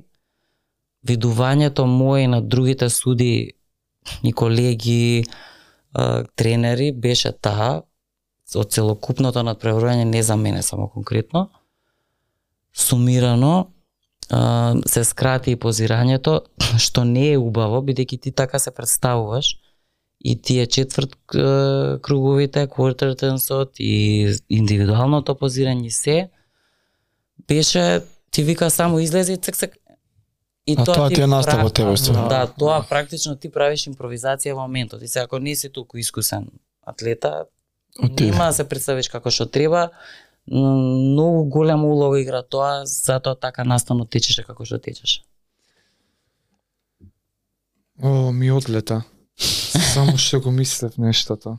За за емотивната емотивната Да, текст, имаше нешто сакаше поврзано со тоа. Па да, ем, дека и самата кажуваше и знаеме многу е важна и емотивната состојба, кога го зборевме со хормоните и спремањето влијае на на физичко на физичкото реп, е, презентирање на као очигледно е, ама ако размислиш кои се механизмите зошто па емотивна состојба влијала, би влијала на физичка представа, ама од друга страна е логички, да. И сега ти имаше една прилично емотивна објава и ми звучеше, сега кога те слушам, ми звучиш во исто време и задоволна од сезоната, но и разочарана од сезоната. И сега каде е тој каде е тој и инконсистенси, како се ка се мучам со македонски. Неконстантност. Ка, каде е тоа, тоа разидување? Позитивна си, ама и разочарана си, имала можеби превисоки цели за годинава, па нереалистични очекувања, што е, што е дешавка? Имав тешка година генерално, така пишува во постот. Зашто и да се фатев, ми одеше многу тешко. Јас многу работи завршив, сериозни, кои што ми се многу важни за или заработава и приватно, на приватно поле исто така. А, некој да ме случава како страна што знае што правев, ќе рече, «Е, зашто си незадоволна, значи ти многу работи заврши. Тоа е факт, апсолутно. А, меѓутоа многу мака видов. Значи почнувајќи од станот што го земав, што го спремав, со мајстори да не ви кажувам и со какви проблеми се соочив. Леле, крај, Сега готово. треба да реконструирам кујната бидејќи не ми пасува дрерната Леле. внатре фрижидерот и така натака, пак од почеток се. Готово. Што веќе се помирив со тоа, а дополнително јас во тој период се спремав за европско. Значи мене фокусот требаше ми биде на тоа, а јас сакав да ги задавам мајстора да ги заспиам таму во станот и никош што не се се зезам се шалам, не сум агресивна, само така е зборот. А, Океј. Тоа беше како еден аспект кој што малку ми направи дефокус, да, меѓутоа на европско направивме супер резултат, јас бев први 6 пета, што беше вау, исто дека европско е малте некако светско големо такмичење многу.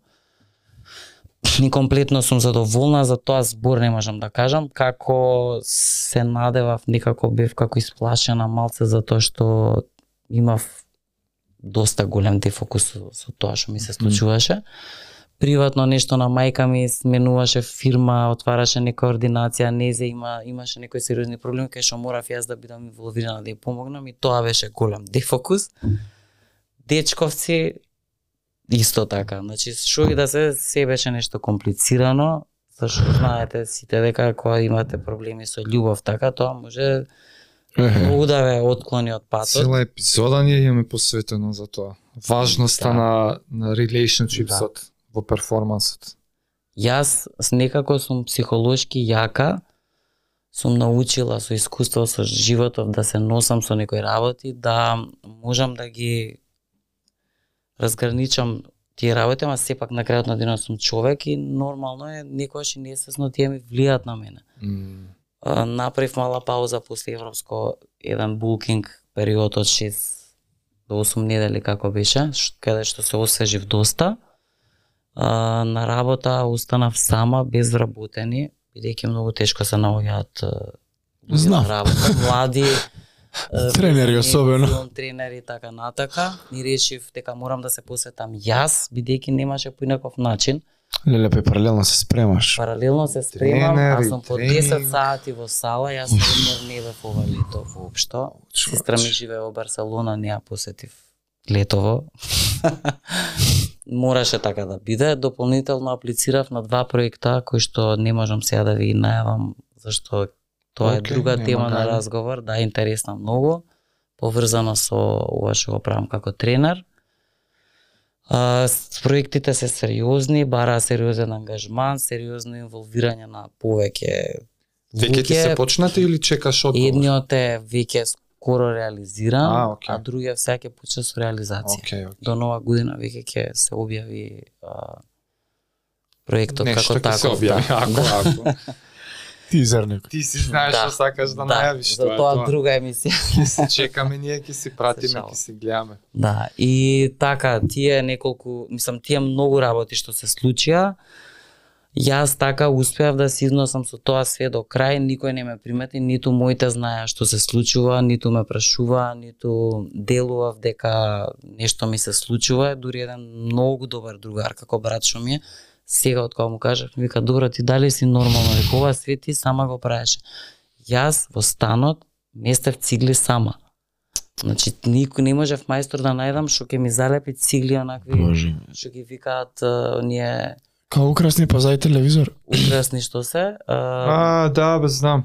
Ја, Готово, ја имам лепено така. цигански Да. цигли ги викаат. Уствари тоа е оригинално Не е пример. цела цигла, да не се- како да, да не плочка се е само, тенк. А, мајсториве не можам сега, не можам утре, не знам, ваква цена, таква цена, ги земам сите тие. јасно. Јасно е све со мајсторите. завршено, била за некои такви работи, ги залепив циглите. После правев некој зид, а, оној, како се вика, дали? бетонски зид. Да. И се буквално го изгради вака сама станов со две раце. И само викнав еден мајстор што го познавам за фугата да ми ја направи, пошто фуга не сум ставала никогаш да. и он баш се смееше. Типа за најлесното не. Ми вика, да, да, ми вика, леле, вика, по ја немаше вака ти го направам, дали си нормално и така никои такви работи, што види, сега од, ово, од оваа гледна точка бе интересни и се, меѓутоа стварно беше голем стрес и за на крајот се спремаш, се спремаш, се спремаш цела година, најдобра форма до сега и на Арнолд и на светско, дури колегите од Србија, од Бугарија, од тие што ме пратат, тренери и така натака што се инволвирани, некој од нив се суди, исто Значи, ме пофалија директно дека имам многу голем напредок и дека сум секој пат подобра, што многу ми значи кога ќе слушнеш од страна објективно. Како не, тоа е најважно, дека дека и си се Да. подобра. Да, А дека они те си се- гледаат година за година. гледаат да ме гледаат напред. цело време, да, да. И колеги, некои колешки и така натака. И а, кога си излеговме на тие два што ни беа како најприоритетни надпревари годинава, кога се случија некои вакви работи, јас некако така малку искрено се попарив, бидејќи очекував дека бар подобро ќе ќе оди нештото Мгм. не очекував дека не не реков дека треба да сум прво место или дека очекував дека тоа е тоа, очекував да влезам во финале. Значи Јасно. тоа ми беше како таква цел. Лани наравно влегов, сега не влегов, многу ми беше чудно се. А од друга страна ти што викаш, сега на крај сум сепак задоволна, затоа што јас си честитам. Затоа што го гледаш за формата. Не, не го гледаш делото веќе од Да, далечина. да, за тоа што го постигнав со таков притисок и тоа све што го направив, баш кај што стварно ми беше формата најдобра до сега и тоа едноставно не може ништо да ми го смени, ни еден пехар, ни една титула на крајот на денот, тоа е како надпревар помеѓу сам себе. Ама и ти на формата ќе се надоградиш наредната година. Така е. Шо? Тоа ова беа сплет на околности што викаме среќа. Као ќе да, се повторат не пак. бе пратела да во Пак ли ќе уредуваш стан наредно? Пак ли фирми ќе се Тачно, тачно, апсолутно. И Не, сме јасно. Да, тоа е. Среќа треба да те прати дефинитивно да се поклопат сите коцки и тоа. Абе, не кога требало годинава да биде голема не, работа. Ама едно големо искуство. Многу работи се учат секогаш, значи оваа година посебно и со животов и со надпревариви и со се, тоа ме гради дополнително као личност подобра, као тренер, можам јас да укажам на некои грешки, дали ако спремам некој надпреварувач, дали на рекреативци, на вежбачиве. И uh, never give up, тоа е тоа, никако откажување не сме. Повеќе се мотивирам кога имам вакви работи. Да, сега ќе погледнеш назад, зашто никогаш не е ни црно ни бело, негде у средина на работа. Да. Кога победуваш, не си најдобар на светот цело време. Кога губиш, не си најголем лузер цело време. Така, така. И кога ќе се десат двете, треба малце Па добро, после Арнолд ќе победиш хамбал, кога ќе изгубиш, да не си ја чукаш главата сега така, ти. па после Арнолд бев прво место апсолутно на, на тука на а, на И малце се- да, ми дадоа круна, така беше многу интересно надпреварувањето, мислам стварно. И а, баш ми се јави колега еден што работи со мене за а, што е заштитно лице за Асгард, за бредло за Мгм. кој што се работувам за суплементи. Хрвате, он беше присутен на самиот натовар, требаше да снимаме некој видео, меѓутоа јас се повлеков бидејќи беше тешко со надпреварот и он дојде да ме гледа и воодушевен беше и самиот тој бидејќи е тренер и спремал надпреварувачи, поготово боди фитнес и ми кажа дека многу се воодушевуваат како напредувам и дека тоа е тоа само напред и кога завршив, кога го ставив постот, Он ми се јави на видеокол. И ми вика, Катерина, шта е проблем? Јас вака седам, викам, а не, готово, готово, прошло ми е. Ел си ти то незадоволна ми? Знаеш ли шта си урадила ову година? Ајде, маш, таму нечу да те чуjem више. Ајде, уживај. И чао. Браво. И така, мислам, Ама и у така. да. моментот си не си свесна ти што Да. Некое место на Арнолд класик не може да сонуваат луѓе да настапат Да. не па место некое да Јас има. тоа го напишав и во постот дека сум председателна што стојам таму рама до рама со сериозни шампионки. За 20 години од сега ќе си кажеш како го правев ова. Да, да, да. Ја па незадоволна уште било од место Да, некој сега и друг муабет слушнав од моиве клиентки, сестрата на една од клиентките вежба со тренер друг мој пријател кој што го познавам и некако случајно паднале на муабет. Јас вежбам ваму, јас вежбам таму и а вика ја знам кате како не ја знам многу добро вика и сме вешпале заедно вика ние сме вака и приватно се знаеме. Многу ја почитувам како спортист. Па знаеш ли она што постигнува? Седма беше на светско. И сега он како ме доживува, и сам Ти како тој се пораз? во друга Да. дисциплина. Така е. Да. И ми вика сестрата на клиентка ми вика не сакам глас да чујам, вика, гледаш како те доживуваат другите, вика. Тоа е, викам, апсолутно, јас сум многу задоволна, не сум... Јас го разбирам и твојо. Да. Кој ќе втори ќе се осеќаш како лузер, некад втор како Да. најголем победник ќе се осеќаш. Е, па тоа е тој Зашто си била најспремна во животот што си била, mindset. Да. Тоа е а наредна година може прва ќе бидеш у новата категорија. Да. Пример. И Така. ти може и да победиш, а, на, а за себе си знаеш дека не си у Не е најдобра најдоброто, форма, да. И тоа И и, пак ќе та... бидеш разочарана. такви случаеви. И пак ќе бидеш разочарана. И такви Они ќе случаеви. ти ја има. дадат круната, ама Од- ти ќе си се видиш лани боли бев. да. Импостер мајндсет, Мене тоа не ми се случило, меѓутоа на мои колеги и колешки им се има случувано. И стварно е тоа, не знам, мислам дека е дури полошо. Полошо. Многу лошо чувство, а од друга Кој со врски да си победил. Да, да, леле. Не ти е заслужено. е- Петар, побо изгуби. Да. апсолутно или не знам ќе ги фатат на допинг тест и после автоматски кога ќе одземат титулата, тој што бил второ е прво. Ма, А треба- како не е тоа да не? значи Како тој треба Не на треба. да биде. Не така? треба, да, да. Треба да нема прво. Нема. Да, ја и мене би ми да било така. Да речам, М, Меѓутоа, најважно од се е дека не смеш да дозволиш да те конзумира победата и кога ќе изгубиш. Да. И па тоа е Не тоа. смеш да летнеш во облаци кога ќе победиш. Тоа е правило number one, бидејќи тоа е многу страшно нешто, тоа спортисти сериозни не го прават. Треба, мислам, тоа е многу лошо. А, после многу можеш да паднеш. Треба хамбл да си останеш до крај. А исто кога ќе изгубиш, не треба да си толку критичен неблагодарен, бидејќи на крајот на денот што викаме, луѓе умираат секој ден, се разболуваат и не Многу можат да полоши работи се случуваат. Лоши работи не можат да вежбаат. Од седмо место на Арнолд Класик. Се, да, Многу полоши. болешки се, да, од седмо место, да, на светско првенство. Така да, тоа ја го прави правиот спортист. Тоа е она што викаме чемпион менталити. Баш, Треба да знаеш да се носиш со се. Да. Абе, те слушам и искрено сум импресиониран колку е, многу сфери се потребни за да се дојде до тој перформанс. Те нутриција, те тренинг, те живот, те и во сите сфери си буквално на границата. Буквално ја Да. буткаш границата, обседната си. Значи, ја мислев, јас сум обседнат, ја не сум ништо успоредба со тебе, ми броиш тие недели толку калории, тие недели толку грама, па секоја недела проверуваш, па секој понеделник.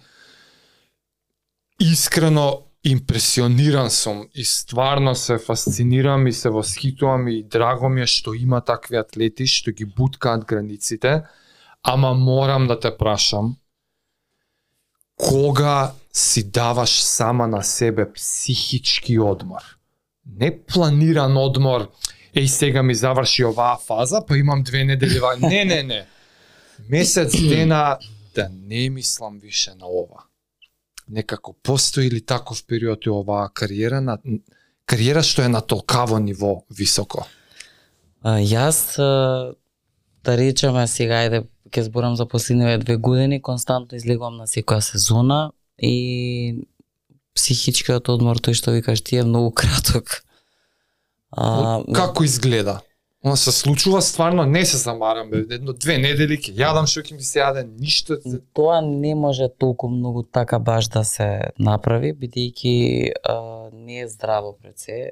Знам, Многу лошо може да си направиш на себе си. ама психички мислиш нема да ти помогне? Треба малце? постепено малце да се оди Ај кон кажи тоа. како изгледа твојот И па се прави таа обратна диета, кај што ќе се навикне телото на се што си јадел предходно, да се врати водата во телото, бидејќи ја вадиме ние водата неколку пати во сезона и тоа е сериозен шок. Ма и- па ми звучи на режим, Ама некој мора ова. да се направи тоа. Ќе ти Пак е откаже некој срцето на крај. Значи не знаеш какви случаи во болница завршуваат луѓе. Добро, ти врати да го. добиваат. Ти врати го и после заборави враќам. малку. И после Кога е пицата? Да забораиш. Јадам ја спица веднаш после надпревар. Имам еден период како така си дозволувам некој читинг, нормално. Ама и со трени си зборам и со живот Ама и можам со... со тренинзи пет дена одмарам. Лайфстайл ми е менува. Јас не можам да живеам без тренинг. Не знам како да ви објаснам. А без... Добро, да. Све те разбираме. Да, Веројатно. може рекреативно си вежбаат тие пет дена. Ваljda. Кога одам на Не од... структурирано онака да не мериш нешто, да не броиш Па нешто. добро, да тој период не мерам, него Ми се така, прави бенч ден. сега ќе Океј, одморам до нареден септември од надпревари. А, Чекај, тоа е цела Тоа е година. нареден, тоа е А, морам, окей, над, надпревари. Добро, добро. морам да Оу, тоа е добар психички одмор. морам да го одморам телото, главата и а, морам да цивилните обврски да се завршат, станман. Тоа мора да се заврши како и да е Чекај, апсолутно. викендица ќе и текне. да се фокусирам на тоа. Мора да се вижба јако, малце да се качи 2-3 кила мускулна маса, не поише, не ми треба поише. Че пак ќе И- се подобрува формата. Секако. Браво, човече, браво. Гледај за одмор збори и па парачуна режим, парачуна. Дориан Јејц, плюс две го кила. знаете Дориан Како не го јас знам? го запознав лани на Стварно? Russell Show. Да шедо беше он? Слика Уживо, да. Ои. И жена му кога ме виде, чекавме ред пошто и Жена му е во струката или не? Да, жена му е Гал Јејц, она е исто така се превруваше во боди фитнес порано. Значи твојата. Во мојата категорија сега сега е моментално има 45 години, изгледа феноменално. Не се такмичи? Не се направо има OnlyFans. Ма добро се има. Те е бразилка изгледа совршено. А има таков OnlyFans, зашто сега има OnlyFans и за комедија, има и за овие како фитнес. како секси фитнес нешто Така, во тој така. фазон што ја уопште не го осудувам, мислам тоа Да жива и здрава. Тој сајт така почнал. Ја Да. мислам, почнал као за било кој креатор, артист, Да. ама после малку Фате. да расшири. И Да, секој Јејц? за тоа што го нормално. што ти кажала? И многу се чекаше ридици на сите штандови такви, бидејќи беа сите звезди, а ние имавме онакви пропусници зашто работевме ние на нашиот Асгар штанд и не пушта да излеземе да се Рекорд. сликаме, баш кај мојот колега од Хрватска Степан Урса, не знам дали го пратите на Инстаграм. Uh, исто е uh, он е специјалец и воедно заштитно лице за азгар тренер е така натака, многу интересна фаца, има еден интересен настап стигне може да влезе, значи нема шанси да не го пуштиш. Кај кај кај не знам кај кај а, америчкиот председател да отиде Белова куќа ќе влезе без обезбедување. Сам толку е харизматичен. И он вика доаѓете се со мене, вика тука со обезбедување и само што застанавме, сега тоа нема шанси, тие 200 луѓе чекаат. И Гал вика I know you. И вака прави на кај мене и јас мислам на друг му се обраќа и се вртам. Жена му на Доријан Јејц? Да. Тебе ти вика. И вика, no, no, I'm talking to you. И јас викам, фака ја гледам и се зачудив. Вика, те знам од Инстаграм. Викам, како ме знаеш? И после јас се сетив дека една моја многу добра пријателка, најдобра другарка, цело време некако ја постира, она е доста хамбл жена, ете не е така влезена у филм дека е селебрити и позната, ќе сподели нешто. И многу често со мене била другарка и она ме запамтила дека на, викам како е можно и ми искоментира знам дека се надпреваруваш, формата ти е многу добра зашто се спремаш сега и тоа беше страшна мотивација бидејќи тогаш да Што се сакаш за поеш? секој куп се спремам. Да. Ама како ми збориш, ја имав прашање за женски идоли. Во машкиот бодибилдинг има премногу и, и историски имиња. Мейнстрим се знаат, те да. Арнолд, те Јейтс, те Мейтс. Еве на да а, на И ќе те прашав дали ти Океј, ја даде и неа како Да. пример, ама може би и порано во почетоците на кариерата или општо дали во женскиот бодибилдинг како спорт Апсолутно. Постојат некои легенди жени Постојат. да ти биле како идоли низ цел живот. Од ја не ги знам, те молам наброј ги и сакам да знам. Повеќе, повеќе сум се да мотивирала од машкиве идоли, што. Стварно? Сега кога сум почнала пред десетина години, да речеме со надпреварување, имам и женски идоли кои што сега се моментално актуелни. Некои се помлади од мене, ама имаат, например, Синди Гилон, така мислам дека и беше презимето, што е а, а, Мис Олимпија на Мистер Олимпија. Во мојава категорија Figure се вика во NPC. Е зверка, значи она е, не знам дали седми пат, мислам дека седма титула ја. Рекордерка некоја Рекордерка. како А, а така историска легенда као Арнолд у машкиот се што Арнолд што има брейктру женскиот бодибилдинг да прави. Не сум ги пратала многу жените, повеќе мажите. Океј, се ова што ја спомна. Што ја прави неа различна од тебе? Дека викаш во иста категорија, е? Да. Само figure ја викаат. Па да, и таа боди фитнес во се ја викаме стугаме истата категорија figure, да. Сега ако си вака само критична да речеме и ти се гледаш до неа и двете сте една до друга. Дали ние обичните гледачи би виделе разлика?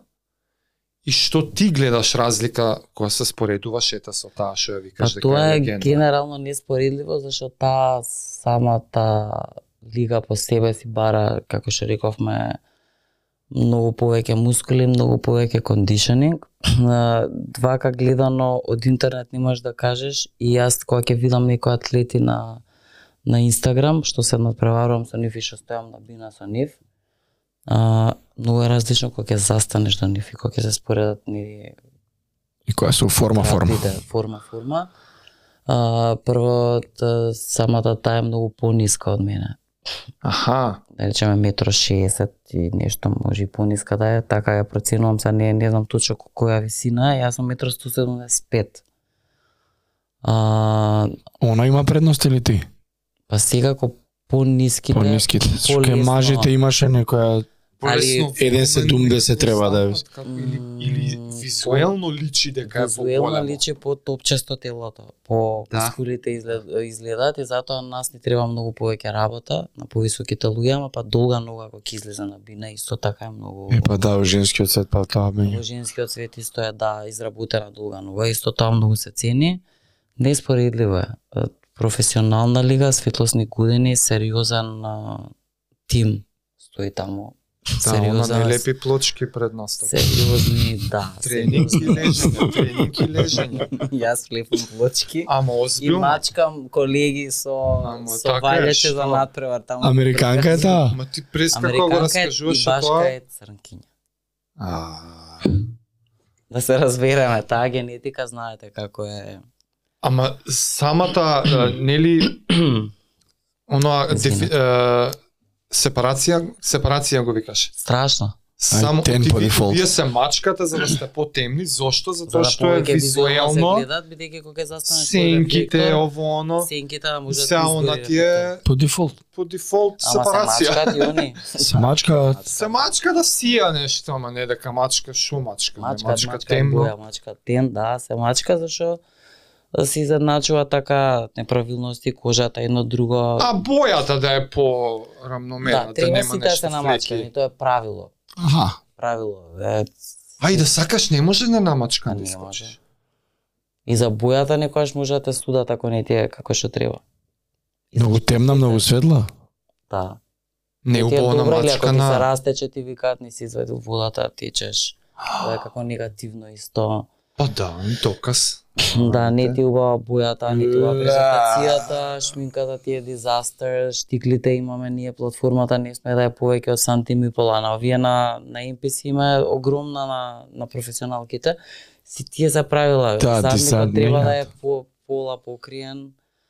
а, по не не не е дозволено кај нас танга во нашата категорија. И кај нив и кај вас? И во MPC? Не, кај нив Енамор што сакаш може. Во тие се модерейт се вика тој отвор на бикините и тоа е поотворено од нашиот. Како збориш ми личи дека многу полегитимна нивна страна на федерацијава. Мене па ми звучи Па не е оно не, не. амерички. Амерички? Све тера и до екстрем. Све е до екстрема, Све е да. до екстрем. Да. Све е до Турај, екстрема. штикли, вади, Ама танки. сигурно и поише пари има. Многу се подценува пошто самата знаете како си тераат како некој маркетинг. Самата EFBB Европскава федерација е сериозно многу значи конкурентна. Не може тоа никако во никој случај да се подцени бидејќи сами некои атлети што одат таму понатака што се одлучува за NPC од, излагаат од тука. Така де да, ама таму Тоа се парите сакам да ма Се кажеш, ти ако сакаш, политика. можеш да идеш у таа Да, федерација. ама не може да се врати. Да. Е, да. Не може, нема назад. Све, да. све е политика. Тоа е Мм. една голема политика и некоја војна која што нема врска со реалности, со спортот. и- 40 години двајца се одвоиле. Се скарале. Стварно, да, апсолутно не е. Сепак, зашо би одела се јас? Искрено, јас сепак сакам да останам жена. Јас не би сакала да изгледам Да, тоа е трейдофот што го така како прифаќаш што- или не? Да. Е, ми беше чалендж едно време, сум сакала и сум мислела и уште не сум ни на чисто со тоа. А, што понатаму ќе се случува, меѓутоа тоа е моето мислење и на многу мои колешки. Имаше а, лани моја колешка која што беше светска шампионка. Страшна, страшно голем потенцијал. Значи сериозна атлета, сериозна, сериозен кондишенинг донесе и на балканско и на европско. Многу добро, мислам стварно е птен. Просто тоа што има 30 години и се дивам птен. И е, кога дојде на европско, шеста ја стави. Јас бев пета, она беше шеста. Хм. Многу се изнервира, зашто ни кажа дека и кондишенингот too much. Too much. Што многу си спремна, што too much, како, За како, таа како што ти категорија? викам дека обратно. на граница кај што Така, ти ќе така. бредеш како во друга категорија. Она била за категорија горе. А, не знам, треба да се одлучат самите они. Леле. Да, што се бара, како се бара и што треба на што треба да се работи. А, мене беше криво бидејќи она изгледа како земписи. Реално како земписи изгледа. Тој кондишнинг го донесе на европско. И ја ставија многу ја казнија. Претера со казнувањето. Не, не требаше да стават шеста, може да стават по први три. Тоа е мое мислење, казната доста беше таа. Ова беше претеризано и стварно е фрустрирачки, она се изнервира. И еве сега цела година паузира, М. се спрема за NPC за да излезе таму во таа федерација и Таму си ја примаат без проблем. ќе си ста, ќе си се преферли таму и ќе си работи таму. А, друга исто многу талентирана колешка, нешто ја суспендираат, јас кој ја прашав дали некогаш би одела во MPC, она истото го ми го потврди, ми рече кога ќе ја завршам пауза од две години, јас вика се враќам тука, јас сепак тој кондишенинг не го сакам и сакам да изгледам како жена. Пробала не бива. Да, не дека во MPC нема такви атлети дека се не се женства и така на така не се сме погрешно. Меѓутоа мислам дека е тумаш за здравието. Реално. Има ли атлетки, атлетки се вика? Женски атлети. Женски атлети што се враќаат во спортот после бременост? Охо, многу. Значи, многу, многу. Конкретно влијание морам нема. да ја спомнам Гета Бега, Гентијана. Леле, еве ја ме, еве ми ја пишана да прашам која е Која Гета беше таа позната? Не знам, ја ја видов кај коуч е, Ѓоровски, кај Да. твојот тренер, ја видов Гета Бега, наредно ми беше тоа да те Гета прашам. е една феноменална особа на која што и се дивам. Светски, европски, Светски, европски Арнолд. Арнолд, први, први Неколку злата. кратен, значи, збориме шампион. Од каде е? Која, која е? Ге- Која е Гета Бега? А, Гета Бега е а, девој, а, де, Гета Бега е една година мислам дека постара од мене, дали има 40 или 41, Добро. така нешто. А, а, родена е во Косово, моментално се а, надпреварува за Албанската федерација. Аха, окей. Да. А, ја спрема Бован Ѓуровски, е коуч. а, Твојот тренер? мојот тренер, да. Ние така сме поврзани некако, она се спрема во велнес категоријата, како наш мојава колешка Мери. И чекај, неа ја спомна заради темава со бременост. Да, Она се- има три деца. Три. Да, Не. Три деца. Ја реков едно дете има Отвори да видиш.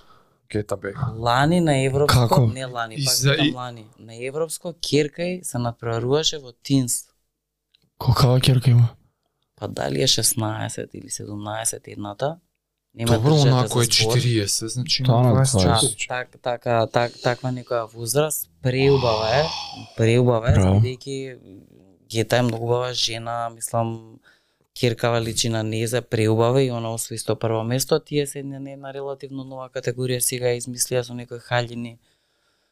Интересна е да така за млади девојки. категории? Не е само тинеџерска, во сите не. има тинеџерски, има и возрастни мастерси во таа категорија, ама таа е интересна, искачаат во некои хаљини како бикини изгледа, така Окей. е помека категоријата и баш може да се излезе некој млад атлета и беше преубава и освои прво место. И беше интересно како мајката и кирката заедно се спремат. А, а и на Гета сопругот е. постојано ги прати и ги поддржува во се. Они како тим перфектно функционираат. Воедно сме станати многу добри пријатели низ годиниве. Она е страшно избалансирана, смирена. Немам зборови прав атлета. Се се соочува со секаков притисок, постојано е насмеана, прав, прав шампион. Живее и тренира во Косово? Или а, не таму, веќе? Да, и плюс дополнително е професорка на универзитет на ДИВ таму во При, Приштина? Мислам дека Косовскиот див. Да. Да. Да, значи многу јако. Браво. Да, мене ме воодушевува она ми е ете, како да кажам, Еден од еден идолите. од идолите, да, што и многу драго што ја познам и веќе сме пријатели и така се дружиме на сите такмичи. светски, европски, злата, Арнолд, злата, све. Ама бе со три деца, како бе ма? Три деца Ја има, тргнав за, за тренерот малку да се информирам, да, да видам и за федерацијата, дека е председател и сакав знаеш малку да се информирам Да, за да. тие работи. И го видов него со неа Да, сега беа на медитеранско надпреварување И- заедно. и кликам на неа и на профилов искачаат онака Титули, медали, медали, медали. Тој викам се. И за тоа еве последно прашање ми беше која е Јас кога во моите почетоци на преварувањето, она беше во екот на кариерата, тогаш освајаше направи растур. додека си раѓала. Значи цело време се другите се тренира, деца, ама продужува. Да, знам, три деца има и секоја чест како функционираат и затоа нема кој ќе ми каже некој нема време, не можам да направам менеджмент, не Не, знам готово, како, мислам, ова одговори. крај, не сакам никој да го слушам веќе. Да. Кога јас како И пример без ја примеров неизин. Да, Камо ли по? камоли, мислам, да, ова е Не, не ти тема, стварно да. Леле Кате, фала ти многу е, многу ја пак и ти кажам, ме импресионираат атлети што ги буткаат границите. Фала што сподели приказни, па се најдобро. Ништо чекаме, Фала и на вас. чекаме како што ме оди слушавте. понатак. Фала ти се гледаме следна прилика. Гледаме. Поздрав, чао. Чао. Чао.